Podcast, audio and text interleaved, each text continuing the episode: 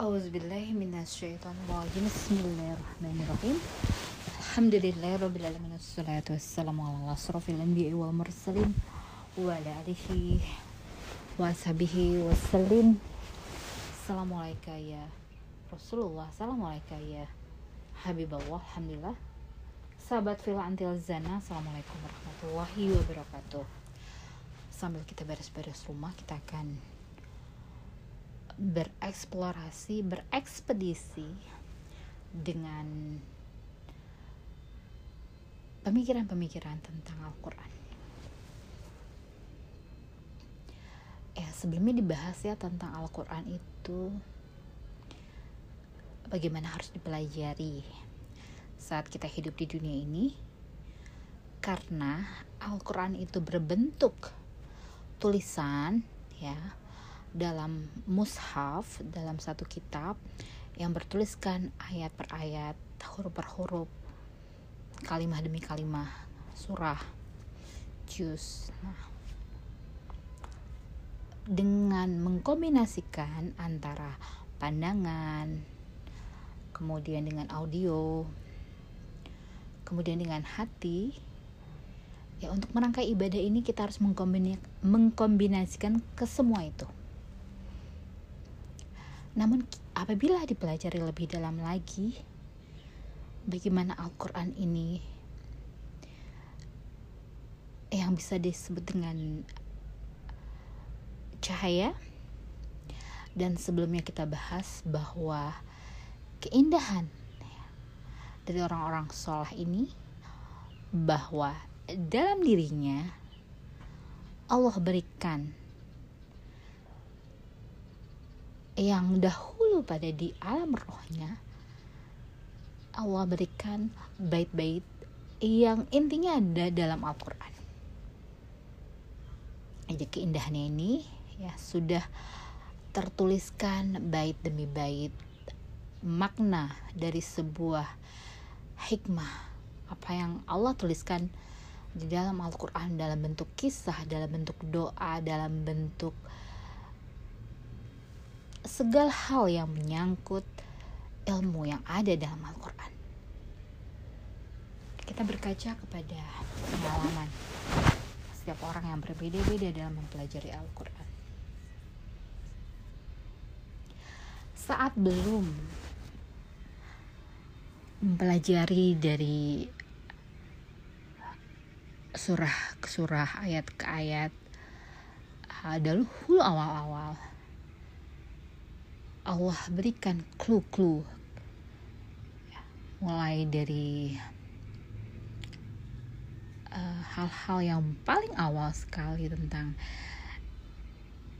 uh, waktu itu tentang surah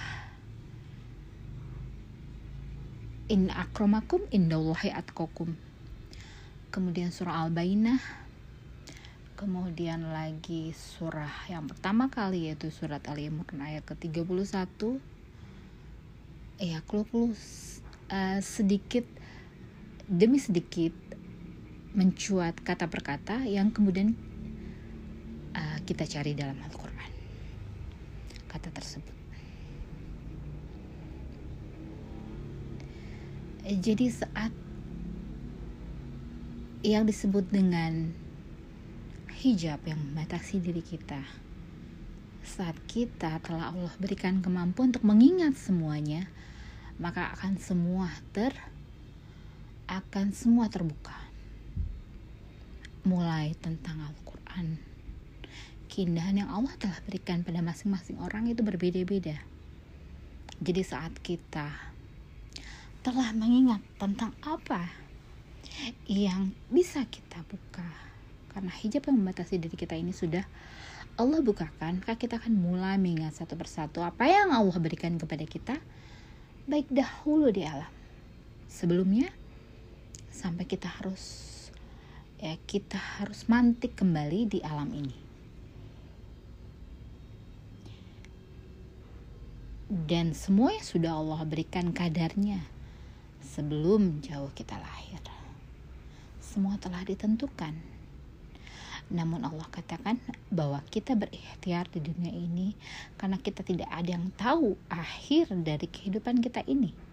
Seperti apa.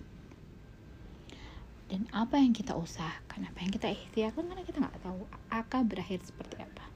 Jadi kita selalu berikhtiar dalam arti Allah berikan kita terus. Dan kita juga terus berdoa. Karena ilmu ini tidak bisa kita hanya pelajari ya, kita Allah berikan terus kemudian kita mempelajarinya dengan sungguh-sungguh Allah berikan pemahaman dan Allah berikan hikmah namun kesemua itu tetap harus kita mintakan kepada Allah agar kita bisa melaksanakan apa yang Allah berikan berupa ilmu, dalil untuk kita berbuat sesuai dengan ilmu yang Allah berikan. Bahwa keindahan orang per orang itu yang berbeda-beda. Allah berikan keindahan apa yang tertuliskan dalam bait-bait Al-Quran ke dalam diri kita. Masing-masing keindahannya berbeda-beda. Apabila 30 juz seperti yang Allah berikan kepada kekasihnya Nabi Muhammad SAW terinstal dalam dirinya dalam kalbunya itu adalah keindahan yang luar biasa seperti keindahan Nabi Muhammad SAW kita nggak tahu apa yang Allah berikan kepada kita. Untuk itu kita terus berusaha untuk terus menggapai apa yang terhampar yang akan Allah berikan kepada kita. Yang keindahannya ya sungguh semakin kita ingin mengetahui semakin keindahan Allah berikan kepada kita. Bahwa semuanya ya telah kita ketahui. Di alam sebelumnya. Tentang keindahan yang terpancar uh, dalam diri kita. Karena kita memiliki yang Allah berikan. Ya, keindahan-keindahan yang cahaya yang berupa berbeda-beda kilauannya. Dan terus untuk kita raih semoga kita terus ditingkatkan terus. Ya karena kita nggak tahu seberapa besar kadar yang Allah berikan dan seberapa seperti apa kita akan berakhir dalam kehidupan ini. Semoga semuanya akan bertambah baik bertambah istiqomah dan Allah ya akhiri segalanya dengan sesuatu yang indah. Puas hati ridho dan diridhoi amin ya rabbal alamin. Subhana rabbika rabbil izzati amma yasifun wa salamun ala mursalin walhamdulillahi rabbil alamin. Wabillahi taufiq wal assalamualaikum warahmatullahi wabarakatuh A'udzu billahi minasyaitonir rajim Bismillahirrahmanirrahim. Alhamdulillah Rabbil Alamin Wassalatu wassalamu ala asrafil anbiya wal mursalin Wa ala alihi wa ashabihi wasallim Assalamualaikum ya Rasulullah. Assalamualaikum ya Habibullah. Alhamdulillah sahabat fil antil zannah Assalamualaikum warahmatullahi wabarakatuh. Jadi ada satu uh, keindahan dalam hidupku ya aku tuh sering mengantongi satu ayat seperti halnya sekarang ini aku mengantongi satu ayat di ayat ke-41 tentang um, malaikat yang berbicara kepada Sayyidah Maryam. Wah, wahai Maryam, Allah telah memilihmu di antara wanita-wanita di zamanmu itu Sayyidah Maryam adalah wanita yang terbaik di zamannya. Allah telah menyucikannya. Allah telah memilihnya. Ya. Ini adalah satu ayat yang aku kantongi ya untuk aku eksplorasi ya di mana aku sedang berjalan-jalan di muka bumi ini. Ya karena paling asik itu mengisi waktu kita itu dengan hal-hal berselancar dengan memikirkan ayat-ayatnya Allah. Saat kita mengantongi satu ayat itu, kita ber, berhenti sejenak untuk kembali membuka apa yang Allah maksudkan dalam ayat-ayatnya ini ini adalah satu hal yang membahagiakan dalam hidup kita bila ada bahan untuk kita renungi, untuk kita pikirkan di sepanjang perjalanan kehidupan ini.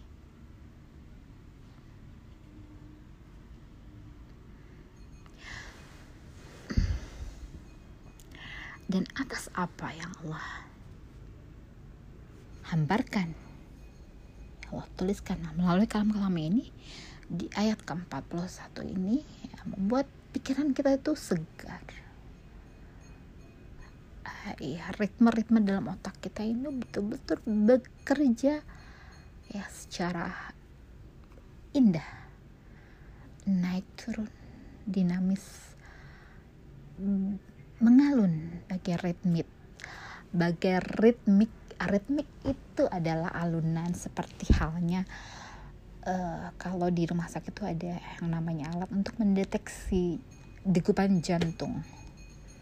Ya turun naik seperti itu. Itulah saat kita memikirkan Al-Quran. Keindahannya itu seperti itu. Yang turun naik ya berubah setiap saat. Itulah keindahan. Saat kita memikirkan ayat-ayatnya maka kita akan bereksplorasi terus ya menembus batas-batas di luar dari batas-batas pemikiran manusia. Kita akan melanglang memasuki ya di tahun-tahun silam yang pernah Allah kabarkan melalui Al-Quran ini. Saat malaikat memberitahukan kekasih Allah Sayyidah Maryam Allah telah memilihnya menyucikannya dan memberikan melebihi perempuan-perempuan di zaman itu. Ya ini kita bisa ketahui bahwa Sayyidah Maryam ini ya bagaimana Esra Imran ini berdoa kepada Allah agar diberikan keturunan yang menghamba hamba yang mengabdi kepada Tuhannya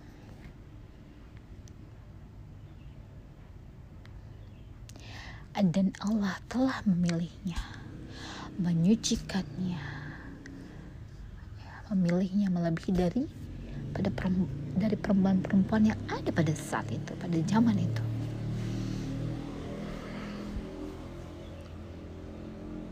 Ya terbayang, terbayang ini adalah satu hal yang membuat kita itu bergembira setiap saat karena ya pemikiran kita tuh terus bergerak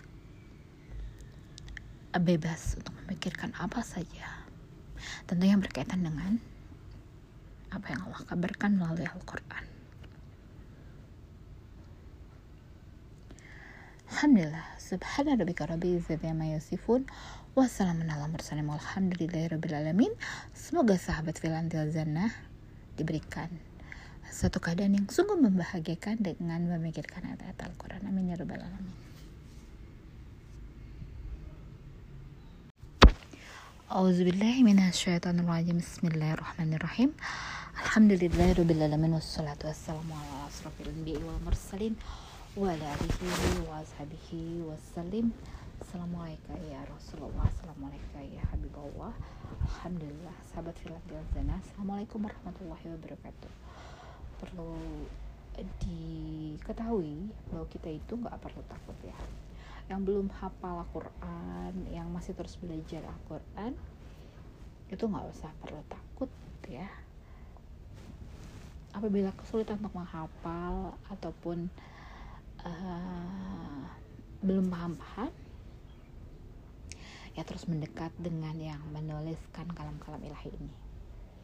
Karena ya kalau kita mengandalkan hanya ibaratnya hafalan kita seberapa sih hafalan kita yang menjadi uh, inti daripada Al-Quran ini adalah yang menuliskan Al-Quran. Bagaimana? Ya walaupun kita tidak hafal walaupun kita ini um, terus berupaya untuk uh, bisa ya ya ada perasaan ingin menghafal semua ayat demi ayat dan Al-Quran itu bagus.